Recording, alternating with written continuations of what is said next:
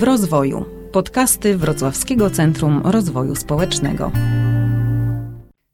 Zapraszamy na kolejny podcast w rozwoju rodziny, którego tematem będzie samodzielne rodzicielstwo.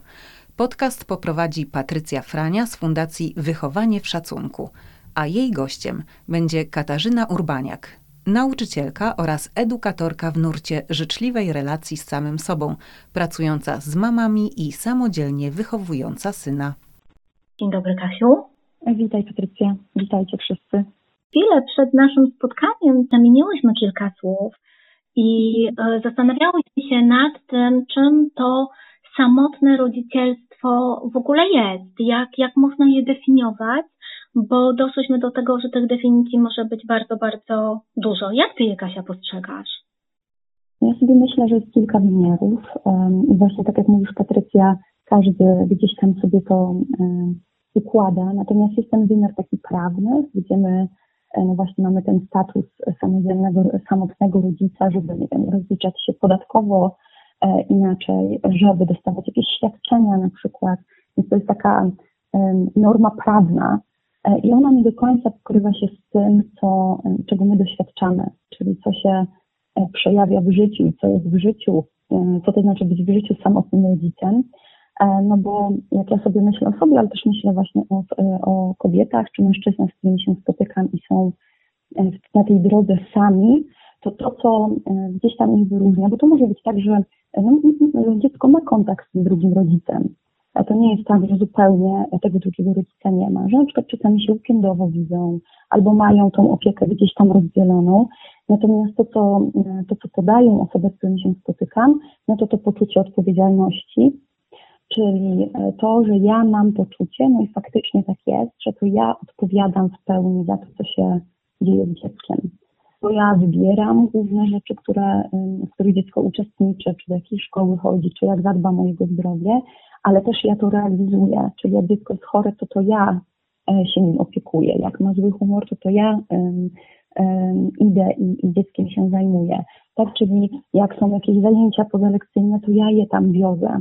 Czyli jest taki um, element odpowiedzialności, dużego poczucia odpowiedzialności i też później wykonywania tych, tych różnych czynności, gdzie no, no, rodzice mówią, no właśnie, że ja dlatego się czuję sama, nie? bo nie mam tej drugiej E, drugiej osoby, z którą mogłabym współodpowiadać za los mojego dziecka i z którą mogłabym współprowadzić to dziecko i no właśnie, jak mam gorszy dzień albo gorzej się czuję, to dostać tak zwaną ulgę, no bo zajmie się mama albo tata, nie? Zajmie się drugi rodzic dzieckiem.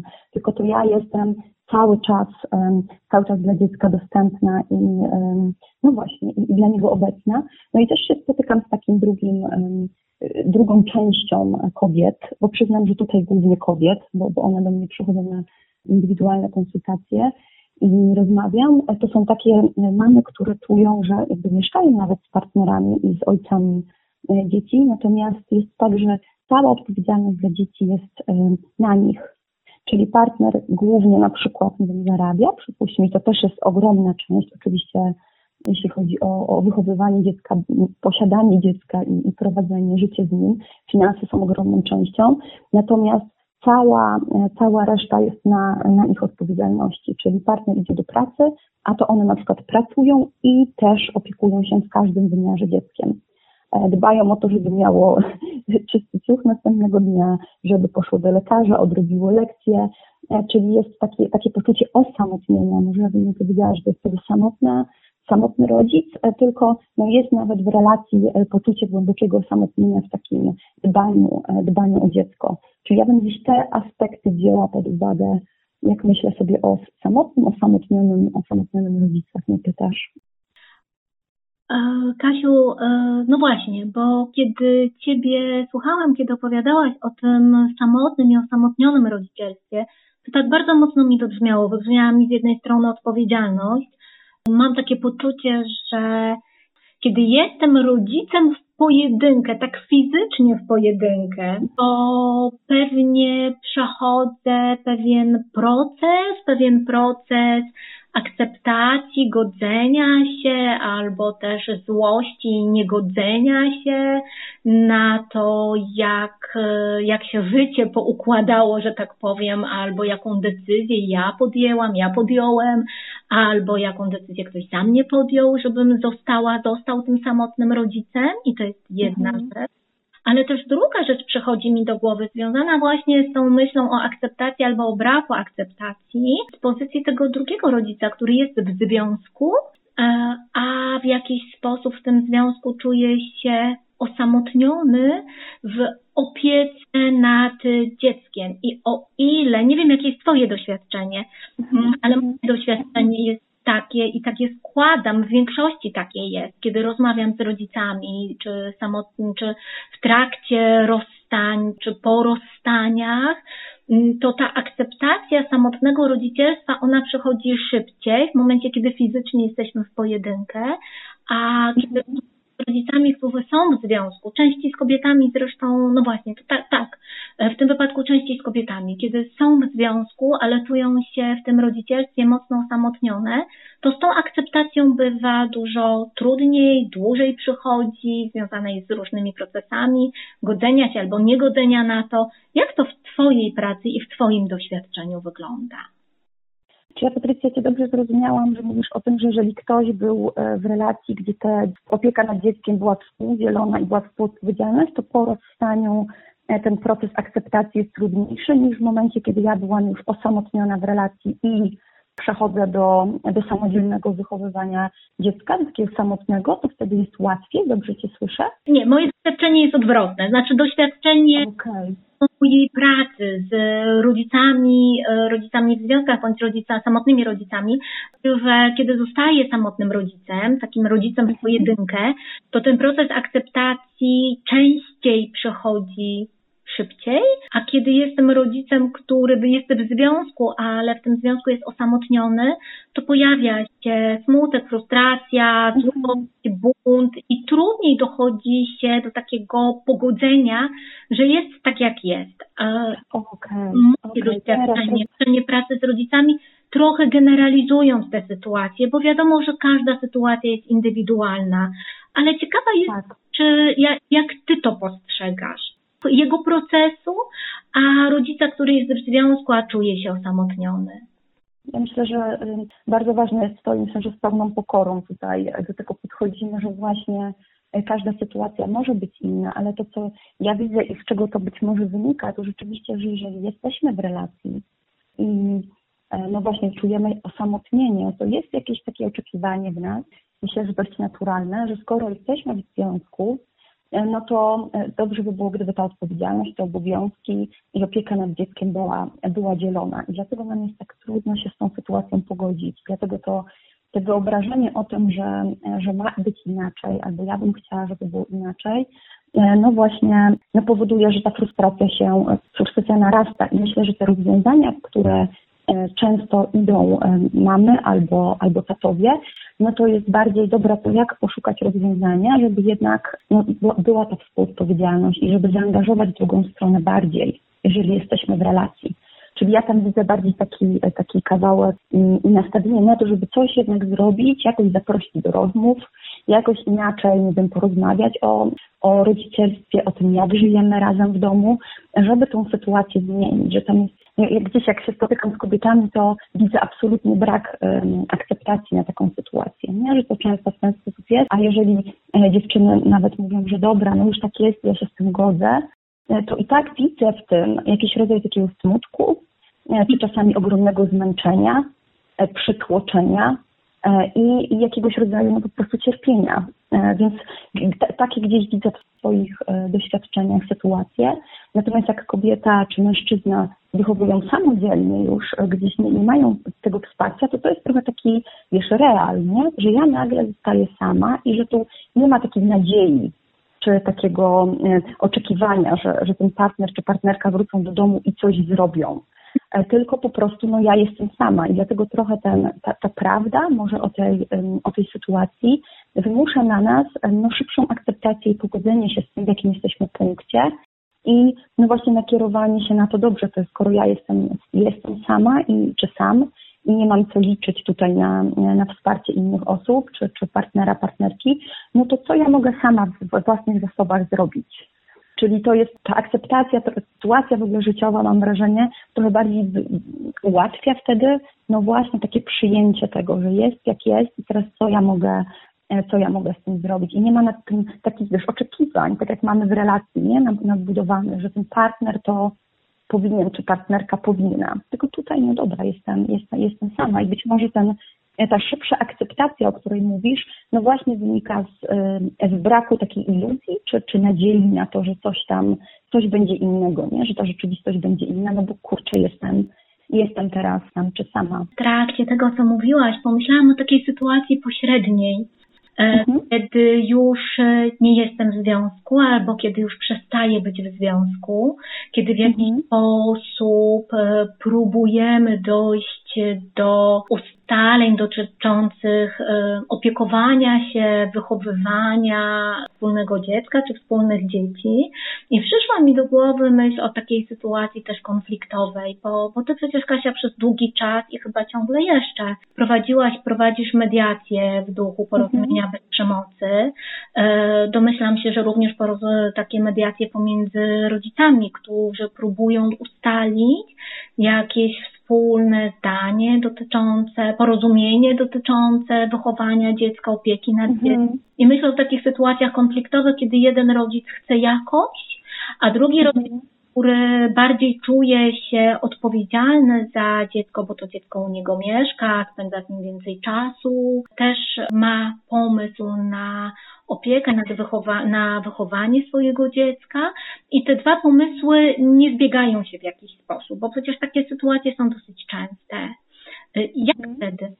wtedy z tym poradzić, bo w moim odczuciu to jest tak, że dziecko staje się często taką piłeczką przerzucaną z jednego na drugie, z jednej sytuacji konfliktowej do drugiej, e, a tak naprawdę przecież w sumie w głębi serca tak myślę, że intencja jest taka, że to nie chodzi o to, żeby dziecku zrobić źle, co nie? Tak naprawdę e, gdzieś głęboko pewnie chce jak najlepiej dla swojego dziecka.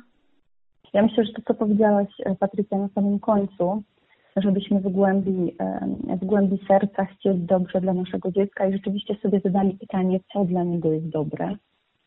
E, zamiast, no, ja myślę, że są, są, różne takie sytuacje, ale się też spotykałam e, no, z takimi mediacjami, gdzie jest tyle jakiegoś bólu e, rozstaniowego i bólu wynikającego z tego, że nam nie wyszło, że no właśnie sytuacja z dzieckiem staje się trochę takim polem do odgrywania się i że nie chodzi, że mówimy oczywiście deklaratywnie, że chodzi o dziecko, ale tam w bardzo dużej mierze chodzi o to, żebyśmy my e, no jakoś sobie też ulżyli z tym bólu, nie? że jak ja postawię na, na swoim, e, no to, no to mi też ulży z tym moim bólu, e, który jest związany z tym rozstaniem, z tym, że już nie jesteśmy, nie jesteśmy razem, że coś tam się wydarzyło.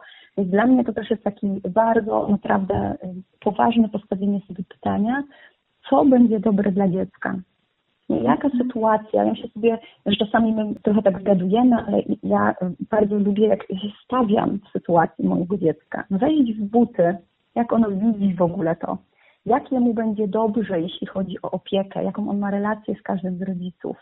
I trochę wyjść z takiego, bo ja też się spotkam z rodzicami, którzy mówią, ale ja mam prawo do tego, żeby na przykład w 50% się spotykać z dzieckiem, nie? żeby na przykład opieka była naprzemienna ale ja mam prawo do tego, żeby decydować. I oczywiście masz, i to w ogóle nie ma żadnego tutaj, nikt z tym nie dyskutuje, ale jeżeli zadasz sobie pytanie właśnie, co jest najlepsze dla dziecka, to czasami no, przychodzi nam się to, że dobra, no to może ja ustąpię, bo dla niego jest najważniejsze to, żeby ono się czuł bezpiecznie, żeby właśnie widziało rodziców, którzy się potrafią dogadać, albo żeby widziało, że ta rzeczywistość jego jest stabilna, e, że, że ma miejsce, w którym jest. I wtedy te takie prawa, czy to jak ja chcę, e, no schodzi na dalszy plan i wybija się dobrze, to co będzie dobre dla mojego dziecka, jak ja naprawdę wejdę w jego buty, tego nie wiem, pięciolatka, dziewięciolatka, trzylatka, e, teraz na tym etapie jego rozwoju, w tym miejscu, w którym ono jest, co da mu poczucie bezpieczeństwa, co da mu no, poczucie więzi, na przykład z obojgiem rodziców, jeśli ta więź jest i jakby te, te relacje bo jakby tutaj też robię jakieś założenie, nie? Że, że ta relacja była z dwojgiem rodziców i, i chcemy, żeby, żeby dziecko utrzymało utrzymało kontakt z obojgiem rodziców, to w jakich proporcjach i że zawsze, jakby nie zawsze, przynajmniej ja tak gdzieś sobie, sobie to też układam, że nie zawsze takie pół na pół dokładne, bo ja mam prawo do 50%, ty masz do 50%, jak czasami rodzice sobie myślą, no jest najlepsze dla dziecka.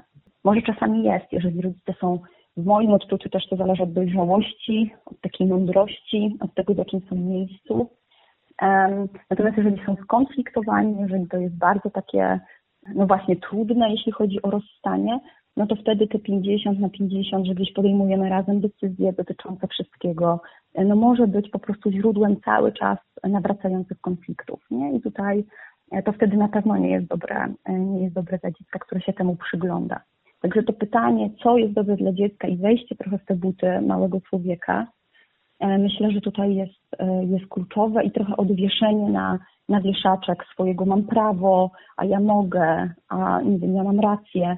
Tylko dobra, jak, to, jak my możemy teraz służyć temu, temu małemu dziecku, żeby ono, ono miało ten spokój, ten komfort, żeby mogło się skupić e, nie na, wiecie, ratowaniu rodziców, tak, czy, e, czy, czy przyglądaniu się temu, jak rodzice ze sobą wojują, no tylko na tym, żeby być dzieckiem, żeby mieć dzieciństwo swoje. Także to jest bardzo, myślę, delikatny, wrażliwy i ważny, ważny temat, to dobro dziecka i jak ono jest zdefiniowane i e, no co ja mogę tak naprawdę zrobić. I czasami to znaczy, że ja ustąpię, nie? A czasami to znaczy, że ja mocniej zawalczę o tą stabilność e, tego, jak dziecko będzie miało w danym momencie. To, to są bardzo subtelne, delikatne sytuacje, w których myślę, że każdy z nas może podjąć tą decyzję, e, decyzję inną. Także tutaj to mi przychodzi e, do głowy, jak, jak o to pytasz. Mhm. Popraw mnie, jeżeli coś przekręcę, ale z tego, co powiedziałaś, zrozumiałam, że taką no, idealną sytuacją byłaby umiejętność rozdzielenia dwóch płaszczyzn. Z jednej strony płaszczyzny dotyczącej, no właśnie, opieki i dotyczącej w ogóle dziecka, a z drugiej mhm. strony płaszczyzny dotyczącej mojego e, poczucia, jeżeli ono jest, poczucia rozżalenia, żalu, poczucia skrzywdzenia, e, czyli taka umiejętność, no właśnie, z jednej strony wejścia w buty dziecka i poszukania tego, co jest najlepsze dla dziecka, e, a z mhm. drugiej strony jakby czymś zupełnie oddzielnym jest proces radzenia sobie z tym, co ja w tym momencie przeżywam. No właśnie, bo e, może mi być bardzo różnie w tej sytuacji. I znowu trudno jest nie generalizować tutaj, żeby w jakiś mhm. sposób o tych, e, o tych historiach opowiedzieć, e, a, a tak naprawdę każda historia jest indywidualna. Ale, ale mam takie poczucie, że, że ten żal się pojawia, pojawia się smutek, pojawia się e, złość, pojawia mhm. się e, taka czasem, e, no wręcz, e, wręcz takie przeżywanie żałoby po, po związku, mhm. który był i go nie ma. I e, Kasia, Twoje doświadczenie, Twoje doświadczenie może prywatne, a może przeprowadzania kobiet, które do Ciebie przychodzą z takim poczuciem żalu, żałoby, złości, e, jakie jest? Bo ono często, znowu generalizuję, ale ono często prowadzi do e, takiej nowej jakości mnie samej. Tak to postrzegam, chociaż te historie bywają różne. Mhm. I teraz pytasz o to, jakby z czym osoby właśnie kończą taką relację tak. i z jakimi, z jakimi się emocjami spotykają. Tak, tak, kończą, tak. na wejściu wchodzą, prawda, z płciami, bo, bo tam się też pewnie pojawia też poczucie czasem e, takiej myśli o sobie, że to ja może nie jestem nic warta albo nie jestem nic wart, skoro doszło do rozstania albo mhm. czasem poczucie winy, co ja zrobiłam, co ja zrobiłem złego, albo w drugą stronę złość, czasem nienawiść. I to jest początek procesu. I ten proces, jeżeli jest procesem, to on często do czegoś doprowadza. Wiesz co, to jest bardzo, właśnie, jakby to wymieniać, co my możemy czuć po takim rozstaniu, kiedy stajemy się samotnym, samotnym rodzicem, to jest to cała paleta łącznie właśnie ze strachem, z lękiem, jak będzie teraz, jeśli chodzi o dziecko, bo to jest też taki ważny, mhm. ważny element, pewnie inaczej doświadczają tego osoby, które nie mają wspólnego dziecka, kiedy się rozstają, a to już jest trudne, a w momencie, kiedy jeszcze właśnie wchodzi odpowiedzialność za losem młodego człowieka, no to może się to wiązać właśnie, tak jak mówiłaś, z poczuciem winy, E, z takim lękiem też, e, strachem o to, jak ja, to, jak ja sobie teraz poradzę, jak to w ogóle wszystko poukładać, żeby no właśnie cały czas to było z troską, e, z troską o dziecko. I wiesz co, ja myślę sobie, że też te sytuacje się bardzo różnie rozwijają. Ja znam takie osoby, z którymi akurat nie pracowałam, ale znam je prywatnie, które na jakiś czas trochę utykają w tym, czyli no właśnie nie, nie, nie prosząc o pomoc, czy E, nie, wiem, nie, nie wychodząc e, po wsparcie, zostają trochę w tym żalu, w tym smutku, w tym poczuciu winy, w tym stłamszeniu i często są głęboko obciążone i nieszczęśliwe. Czyli jest coś takiego, że mnie to zaczyna przytłaczać cała ta sytuacja. Właśnie tak jak mówisz, to poczucie winy, e, może wstyd, E, może w ogóle, nawet jeżeli nie, nie emocje, które są, mnie przytłaczają, to rzeczywistość, która zaczyna e, mi towarzyszyć i która staje się moim udziałem, zaczyna mnie przytłaczać, bo się okazuje, że jest tyle rzeczy do ogarnięcia samodzielnie, że ja muszę teraz, wiecie, od skręcenia śrubki w aucie, po lekarza, po robienie zakupów, po pracę, po wkręcanie żarówki w domu. Wszystko jest teraz na, na mojej głowie, więc z jednej strony mogą nas przytłaczać emocje, które się z tym wiążą, no a z drugiej strony po prostu taki realnie, który nas, jak ja to mówię, czasami dopada, że e, no właśnie, że jest po prostu fizycznie najzwyczajniej w świecie ciężko. I są osoby, które utykają trochę w tym, czyli nie mając jakiejś, nie widząc sposobności, żeby poprosić o pomoc, albo nie, ma, nie mając um, takich swoich zasobów, to też jest bardzo naturalne, jak sobie pomóc, bo jesteśmy pierwszy raz w ogóle w takiej sytuacji, jest naturalne, że nie wiemy, jak, jak, jak sobie z tym poradzić. E, może być tak, że sobie będziemy to, to cierpienie nakręcać, myśli będą nas ściągać w dół, wpadniemy w taką spiralę właśnie obwiniania się, narzekania, myślenia o tym, jak jest ciężko. Ale są też osoby, o których też mówiłam, zanim zaczęłyśmy rozmawiać i które mnie bardzo tak poruszają też, takie historie, gdzie, gdzie zarówno kobiety, jak i mężczyźni przechodzą jakiś rodzaj takiej transformacji dla siebie, czyli zaczynają od trudnego bardzo miejsca e, i wychodząc po pomoc czasami, a czasami dlatego, że zaczynają doświadczać tych wszystkich trudności, e, no zaczynają się wzmacniać bardzo, czyli trochę z tej, z tej życiowej um, tyrki, że tak powiem, z tych życiowych chmur ciemnych, które się pojawiły, no zaczynają się pojawiać takie lekkie prześwity. Ja zaczynam e, sobie bardziej ufać, widzę, jak wiele rzeczy potrafię zrobić i że jakoś tą rzeczywistość ogarniam, mimo że wydawało mi się na początku, że, tego, że mi się to nie uda, że no właśnie mogę na siebie liczyć, że być może zaczynam sobie tworzyć taki swój tribe, czyli swój, swoje plemię, w którym zaczynam się otaczać ludźmi, których mogę też prosić o pomoc, e, którzy mnie wesprą kiedy potrzebuję odpocząć. Myślę sobie, że to też jest takie e, istotne, że, że czasami samotny rodzic to, co potrzebuje najbardziej, to też zadbać o takie swoje fizyczne potrzeby, wyspać się, nie gdzieś tam fajnie jak ktoś zrobi zakupy, więc takie, takie plemię, które pomaga, czasami weźmie ktoś dziecko, a ja mogę na dwie godziny czy tam godzinę się zrzemnąć, czy ktoś mi zrobi zakupy, bo poproszę koleżankę czy sąsiadkę. Czyli to są takie osoby, które e, no właśnie trochę przechodzą, przechodząc przez trudności, zaczynają się wzmacniać, budują też sobie sieć kontaktów, bo do tej pory czasami jak były w relacji, to to wystarczało. A mhm. teraz jak nie ma tego, tego oparcia w partnerze, to zaczynają szukać przyjaźni, zaczynają szukać właśnie tych, tych, tych powiązań.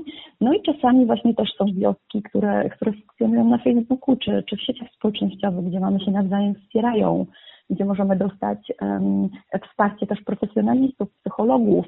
I jak zaczynamy nad temu się przyglądać, włączamy taką ciekawość i odwagę, żeby temu doświadczeniu się przyjrzeć i temu, jak ja przez nie przechodzę, to no właśnie jak mogę sobie pomóc, no to, no to się okazuje, że, że staje się no, piękną, silną, e, akceptującą się kobietą. I to też jest takie, czy, czy mężczyzną, czyli to jest taki, jak dzisiaj też e, odnoszę częściej do kobiet, ponieważ rzeczywiście ta intensywność kontaktu z kobietami u mnie jest większa. Natomiast ta, ta, ta zmiana może przyjść zarówno u panów, jak i u, e, jak i u pań gdzieś no, no, to to trudne doświadczenie jest przekuwane, e, przekuwane w moją moc I to są takie, takie sytuacje, które no mnie też bardzo, bardzo poruszają, kiedy, kiedy widzę, że no właśnie kobiety, że to jest taki rodzaj cierpienia czy trudu, który przeżywam w życiu, który powoduje, że ja się otwieram na to, na inne rozwiązanie i jak ja mogę inaczej, jak ja mogę sobie, e, sobie z tym poradzić. Także, a, a są na zewnątrz takie zasoby, które, z których mogę czerpać, że czasami jest mi trudno to zobaczyć e, jako, jako rodzicowi, który, który jest samotny i właśnie trochę tonie w tej, w tej bieżączce Natomiast jeżeli możemy tak na sekundkę nie, się zatrzymać i rozejrzeć, to, e, to rzeczywiście to wsparcie i te sposoby różne, żeby, e, żeby to, to, rodzicielstwo było lżejsze, e, no, no, no, jest, jest na zewnątrz I, i też oczywiście w środku, w nas samych, tylko czasami potrzebujemy się do tego dokopać, dotrzeć w jakiś sposób. Pomyślałam, jak niekiedy może to być trudne sytuacji, kiedy przeżywamy, no właśnie, całą tę paletę przeróżnych emocji e, związanych z tym, że zostajemy samotnym rodzicem. Jak trudne może być znalezienie w sobie dodatkowo zasobów, żeby e, i umiejętności, żeby poprosić o pomoc, żeby mhm. nawiązywać relacje, e, mhm. a już zupełnie, żeby znaleźć jeszcze jakąś chwilę, czas, czy nawet mentalną przestrzeń, żeby zadbać o swoje potrzeby, że to, e, że to znowu jest takim kawałkiem ogromnego wysiłku, który trzeba zrobić, na którym trzeba, trzeba mieć jakiś kawałek chyba siły, prawda? Albo, e, albo E, koło siebie, kto wskaże drogę, kto pomoże, że to jest z jednej strony bardzo pomocne, tak jak powiedziałaś, i że to jest to, co daje nam taką, taką linę, której możemy się chwycić, żeby się po niej powoli wspinać do tego, żeby było lepiej. A z drugiej strony, żeby chwycić tę linę, to trzeba znaleźć kawałek siły, jakiejś woli, jakiegoś samo, samozaparcia, i pomyślałam, że tak jak ty zaczęłaś e, ten, ten kawałeczek e, o, o tej właśnie o tych zasobach, kiedy zaczęłaś o tym opowiadać e, i powiedziałaś o tym utknięciu, no to właśnie, to myślę, że nie wszyscy są w stanie taką siłę znaleźć. Czy ty masz jakiś tak. sposób na to, jak pokierować, jak pomóc takim osobom, jak je wesprzeć, kiedy widzimy koło mhm. siebie, kiedy mamy koło siebie taką osobę, która utyka? Oj, mm, tak sobie aż westchnęłam, bo, bo, bo, poczułam przez chwilę ten, ten moment takiego utknięcia. Ja sobie myślę, że, że dla, do wszystkich rodziców, którzy teraz są w takim miejscu utknięcia, e, taki ważny komunikat, że nie są z tym sami, bo czasami jak utykamy, to też mamy takie poczucie dużej izolacji, nie? że tylko ja w tym jestem. No właśnie, że tutaj sobie mama jakaś idzie zadowolona z wózeczkiem, tutaj e, na Facebooku widzimy uśmiechniętych rodziców, e, a tutaj ktoś idzie i jest parą, a mi się jednak nie udało. I po prostu no, mamy takie głębokie poczucie osamotnienia w tym takiej, no właśnie, izolacji od tego, że to, że ja jestem w takiej sytuacji, no a inni mają lepiej i to powoduje takie poczucie oddzielenia i jeszcze większego przytłoczenia. Więc myślę, że to, co bardzo warto pamiętać, e, no to to, że nie jesteśmy sami z tym i że każdy z nas no jakoś, że, że, że samotny tata, samotny mama, samotna mama, że jak się dobrze rozejrzymy, to naprawdę jest nas sporo. Nie, to nie jest mhm. tak, że, że to, jest, to jest jakby pierwsza rzecz i myślę, że jak sobie to uświadomimy, to to też trochę daje takiego nie, że dobra, e, te, te, te poczucie izolacji być może jest troszeczkę mniejsze, E, druga rzecz, to ja mm, bardzo zapraszam do takiej życzliwości wobec siebie i łagodności, e, czyli te poczucie przytłoczenia może się wiązać też z tym, że my po prostu bardzo dużo od siebie wymagamy. I e, jest ta ogromna zmiana w naszym życiu, nie jesteśmy, jesteśmy same czy sami, jest dużo obowiązków i my jeszcze nakładamy sobie taką presję, żeby być super w tym wykonywaniu mhm. tych wszystkich obowiązków. I myślę sobie, że jeżeli dopuścimy taką łagodność i życzliwość do siebie, e, no właśnie trochę tak obejmując te nasze różne niedoskonałości, to, że się nie wyrabiamy, kurczę, każdy z nas się, wiecie, nie wyrabia, nie? Z różnymi, z różnymi rzeczami. E, to, że nie, wiem, nie zrobię czegoś w domu, tylko sobie odpuszczę, skupię się na czymś, co jest jakoś najważniejsze w tym momencie i z taką za każdym razem życzliwością, trochę tak jak ja prowadzę kursy uważnego współczucia dla siebie i tam na pierwszym spotkań mamy takie, takie pytanie, które, które ja zadaję. No właśnie, że jeżeli twój przyjaciel mm, zmaga się, przechodzi przez jakieś trudności, to w jaki sposób go traktujesz? Nie? Co do niego mówisz? Z jakim nastawieniem do niego podchodzisz? Jakie on wzbudza w tobie emocje? Czyli taka osoba, która jest naprawdę dla ciebie ważna. I drugie pytanie jest, ok, a jak ty przechodzisz przez trudności, to jakie, co do siebie czujesz? Jak do siebie mówisz? Z jakim nastawieniem do siebie podchodzisz? I tutaj ta różnica, która się ujawnia, jest ogromna. Czyli e, najczęściej, jeżeli jakaś bliska, ważna dla nas osoba przechodzi przez trudności, to my jesteśmy dla tej osoby właśnie łagodni, dodajemy jej otuchy, mówimy jej na przykład, dobra, słuchaj, daj sobie chwilę czasu, albo odpuść jakieś rzeczy. Nie zadręczaj się tym tak bardzo, nie? Ja jestem tutaj, jesteś dla mnie ważna, czy tam ważny, nawet jeżeli, nie wiem, tego nie zrobiłaś, tam tego nie zrobiłeś, tutaj nic nie wyszło. Natomiast jeśli przychodzi do nas samych, e, no to często jesteśmy bardzo wobec siebie krytyczni, bardzo oschli, często włącza się właśnie ten zewnętrzny krytyk, czy wstyd że nie dajemy, że nie dajemy rady z czymś. Także to jest takie, ta, taki rozdźwięk. Ja zachęcam do tego, żeby powolutku sobie kształtować w sobie takie nastawienie do siebie, jak do tego przyjaciela czy przyjaciółki.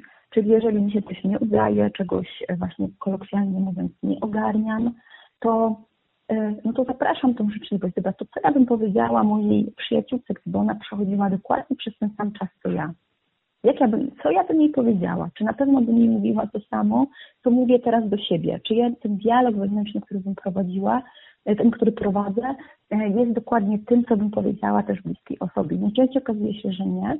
I kiedy sobie zadamy pytanie, dobra, co ja bym powiedziała i kieruję to do siebie, to też jestem w stanie e, trochę tego ciężaru oczekiwań i takiego dążenia do tego, żeby wszystko było super, że teraz muszę się sprawdzić, no ze mnie zszedł żebym ja bardziej siebie przyjęła jako człowieka i jako właśnie taką osobę, która e, gdzie, to życie jest różne i, i, ja jestem też w tym życiu różna, ale za każdym razem się właśnie tą rzeczywistością, rzeczywistością obejmuję. E, czyli z takich pierwszych rzeczy, które bym, bym zrobiła, no to właśnie, żeby sobie uświadomić, że nie jesteśmy sami i zaprosić dużo dla siebie życzliwości. I ja sobie myślę, że to jest taki pierwszy, pierwsze kroki, które sobie wyobrażam, ale też to jest taki apel trochę, bo jak, jak mówisz o tym, że ktoś nie ma zasobów, czy nie ma siły, żeby prosić o pomoc, to to jest taki trochę apel do osób z zewnątrz, które, które towarzyszą i widzą, że ktoś jest w takiej sytuacji, żeby wyciągać tą pomocną dłoń. Właśnie w takiej postaci dodawania otuchy, nie, nie, nie mówienia weź się w garść e, i tutaj e, co ty wydziwiasz, inni mają gorzej, e, tylko no właśnie z ogromną empatią, dodawania otuchy tak na poziomie emocjonalnym, a na takim poziomie sprawczym, e, na poziomie działania, to często takie osoby po prostu potrzebują właśnie takiego wyręczenia w drobnych rzeczach, żebym ja nie musiała o czymś myśleć. Więc możemy zaoferować, ej słuchaj, ja po prostu wezmę to twoje dziecko na podwórko, jak jestem sąsiadką, e, na te pół godziny, a ty weź sobie odetchnij chwilę, wypij herbatę, która jest ciepła, a nie zimna na przykład. Czyli czasami e, my nie mamy jako samotni rodzice takiej pary, czy przebicia, czy śmiałości, żeby prosić o tą pomoc. Natomiast jeżeli ktoś przyjdzie i powie, ej słuchaj, dobra, nie gadaj, ja wezmę to dziecko, naprawdę nic się nie stanie, zaopiekuję się nim, chodź tutaj, nie wiem, Amelka, chodź tu Adaś, idziemy, idziemy na chwilkę na spacer. Jeżeli oczywiście e, też, też jest taka, taka możliwość, jeśli chodzi o dziecko i, i gdzieś się, dziecko się godzi na to, nie? I też jest jakiś rodzaj spokoju w tym. Także to sobie myślę o taki, albo dobra, daj, ja ci pójdę i zrobię zakupy, nie? Jadę teraz do, do, do sklepu, to dawaj mi listę i ja ci to ogarnę. Czyli to są takie drobne rzeczy, które mogą, które często właśnie sam, samodzielnych, samotnych rodziców są taką kropką nad i, nie? że znowu to muszę, że tego tutaj nie wyrabiam się, że o tym muszę myśleć. A jeżeli odciążymy w takich drobnych rzeczach, e, no to, e, no to to może być taka wymierna pomoc, która daje oddech na to, żeby właśnie zerknąć na jakąś grupę wsparcia, żeby pomyśleć, dobra, może ja mam jednak tą przestrzeń, te pół godziny, to co, czego ja teraz potrzebuję, co byłoby dla mnie dobre, w jaki sposób ja mogę odpocząć, jak ja mogę, mm, gdzie ja mogę się wesprzeć. Że to może być właśnie ten czas, który ja będę dedykowała temu, żeby poszukać dalej pomocy i wsparcia, zamiast sobie dokładać kolejnych obowiązków, bo to też nie chodzi o to, że jak ta sąsiadka weźmie to dziecko, to ja natychmiast będę ogarniała szybko inne, tylko właśnie może to jest ten kawałek, gdzie ja mogę się chwilę zastanowić. I jeżeli mm, bo to też jest takie, wiecie, zaklęte koło, czy, czy błędne koło. Nie, nie, nie znajdę czasu na to, żeby znaleźć pomoc, więc te wszystkie rzeczy będę musiała robić sama. A jak jednorazowo znajdę czas, żeby, żeby znaleźć pomoc i wsparcie, no to później niektóre rzeczy mi, mi zejdą, albo ja będę je traktowała inaczej i dzięki temu e, to obciążenie psychiczne będzie też inne. Ja sobie też myślę, że, że, że ta presja, którą czujemy, czy to obciążenie, czasami e, no, wynika też z tego, w jaki sposób my myślimy o różnych sytuacjach, czy e, no właśnie jak, jak ze sobą dialogujemy z jednej strony usłyszałam o pięknej perspektywie zostania przyjacielem dla samego siebie. Tak. I, e, I tak jaśniej i lżej mi się zrobiło. E, mhm. Usłyszałam też o tym, że jeżeli ktoś wyciąga do nas pomocną dłoń, to dać sobie na to szansę, mm. pozwolić sobie i, i, wykorzystać to jako właśnie być może ten pierwszy moment do chwycenia liny, żeby zacząć się wspinać górę e, z tego miejsca, gdzie jest ciężko, gdzie jest trudno. Mhm. E, niekoniecznie wykorzystując ten dany nam czas, czy tę daną nam pomoc na to, żeby pójść, prać, pracować, gotować, e, tak. czy robić inne rzeczy z poziomu powinności, tak. dać sobie szansę na zainwestowanie w, w zasoby swoje i szukanie tego, e, co, co można zrobić, żeby było trochę łatwiej, żeby było trochę jaśniej, co nie? Tak, tak to zrozumiałam, to, o tym mhm. opowiadałaś. Mhm. Mhm. Kasia, mam do Ciebie jeszcze takie pytanie z biegu i na szybko. Chciałam się Ciebie zapytać, czy przychodzi jaka rzecz, jedna, przychodzi Ci do głowy, którą Ty mogłabyś się podzielić ze swojego doświadczenia, E, o której możesz pomyśleć, że zyskałaś, będąc samotnym rodzicem. Czy jest coś takiego Twojego? Mhm.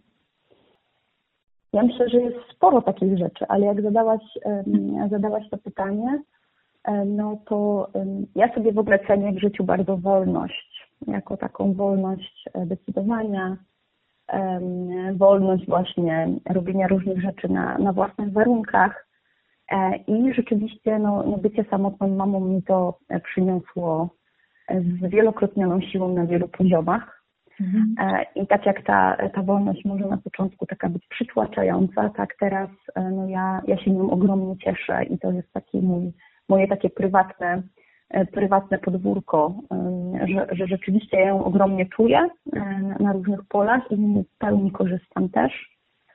I no to jest takie, no, taki też kawałek, nie, że może jeżeli na przykład ktoś jest w niezbyt szczęśliwej relacji, która jest taka przedrozstaniowa, e, no to tam często jest sporo niezgody, jest sporo konfliktów, e, jest takie e, cały czas negocjowanie różnych sytuacji, bo się nie zgadzamy w wielu przypadkach. No a jak zostajesz tą samotną, samotną mamą, no to czy samotnym tatą, to nagle jakby tego nie ma, nie? I to jest taki taki kawałek, który ja sobie bardzo cenię. No i też na pewno coś, co nie wiem, czy bym, czy bym doświadczyła tego, gdyby nie, nie, nie samotne rodzicielstwo, no to e, no właśnie ogromny, ogromne zaufanie do siebie i rozbudowa tych takich wewnętrznych zasobów, o których, o których mówiłyśmy, nie? Że, że właśnie zasobów życzliwości, zasobów współczucia do siebie, budowania takiej relacji z sobą, no, która będzie mnie wspierała w tym marszu przez życie, E, także to są, to są takie rzeczy, których raczej bym nie doświadczyła, gdyby nie to, że, e, no, że jestem samotną mamą. I, I na tym, że tak powiem, błocie, no taki lotus się pojawił. E, no, pewnie też nie doświadczyłybyśmy dzisiaj tej wspólnej rozmowy, tak sobie myślę. Pewnie tak. No właśnie. E, powoli zbliżamy się do końca. Czy masz potrzebę, Kasia, żeby coś jeszcze dodać, co nie wybrzmiało? Bo mam nadzieję, że było dla Ciebie i wolnościowo, i ja usłyszałam dużo rzeczy z poziomu Twoich zasobów, Twojego doświadczenia, e, Twojego prywatnego i doświadczenia zawodowego, którym się tutaj dzieliłaś. Czy jeszcze coś, co być może nie wybrzmiało, a, a ty jeszcze masz e, i chciałabyś się tym podzielić? Mhm. Wiesz co, ja sobie tak e, myślę o tym, o tym byciu w trudzie samotnego rodzica. I jeżeli nas słuchają, mam nadzieję, właśnie samotni rodzice, e, to być może też o, chciałabym, tak, być może też wartościowy będzie, będzie taka perspektywa doceniania siebie. E, ja sobie, jak, jak pracuję właśnie z osobami, które są przytłaczane często dużą ilością różnych zadań i tego, że muszą iść na kompromisy i że nie mogą sobie nagle na różne rzeczy pozwolić, e, bo jest, są z dzieckiem i e, no już sobie nie wyjdę tam gdzieś ze znajomymi, tylko no, to dziecko jest, to, no to żeby zwrócić się do siebie z taką dużą dozą też docenienia i uznania, że właśnie dajemy radę, że coś nam wychodzi, że no, budujemy tą relację z, z dzieckiem, i jesteśmy dla niego. I wiele rzeczy po prostu działa, tylko potrzebujemy na to trochę skierować światło uwagi, nie koncentrować się tylko na tym, co nie wy, z czym nie wyrabiamy, bo czasami tak jest, że, że gdzieś światło uwagi właśnie idzie w tym kierunku, tylko tam, gdzie też jest, są rzeczy piękne e, i, i, e, i jakoś wartościowe i które nam się udają i które są takim przyczynkiem do tego, żeby sobie podziękować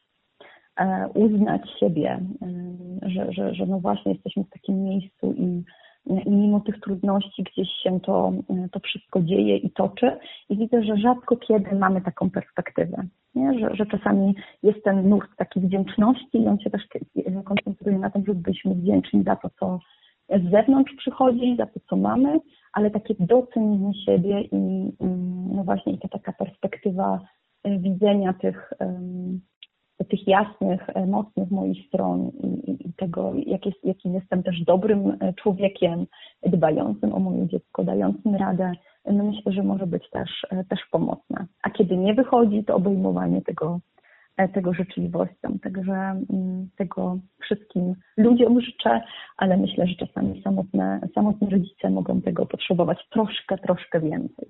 Jasne. Zapraszamy Was zatem bardzo, bardzo serdecznie do poszukania takiej wewnętrznej latarki, e, która pozwoliłaby nam pooświetlać znaleźć te rzeczy, które w tym całym trudzie, o którym opowiadałaś, e, mogą być tymi rzeczami, takimi nawet bardzo, bardzo drobnymi, ale tymi, które dają nadzieje, które są pozytywne, które są dobre, które mówią o tym, że e, w całym dniu, który był bardzo, bardzo ciężki, udało nam się chociażby odebrać dziecko ze szkoły na czas, na przykład.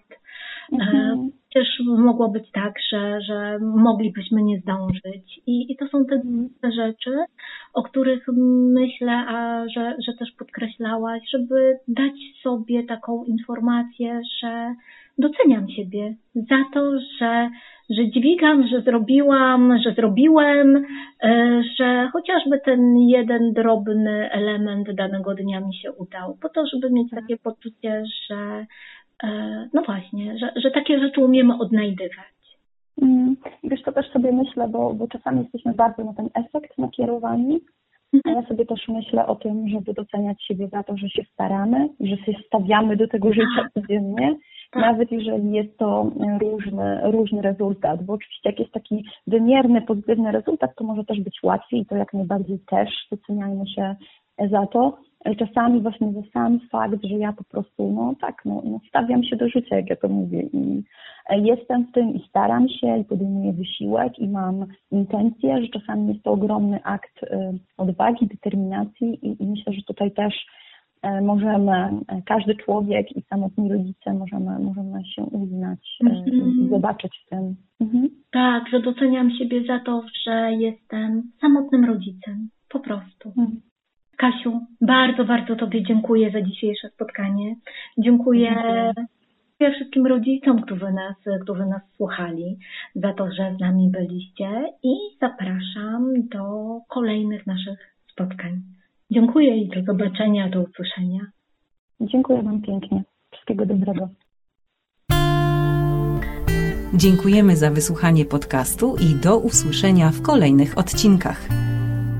Podcastów w rozwoju możecie słuchać na ośmiu platformach, w tym Spotify, Anchor, Google Podcast i Castbox.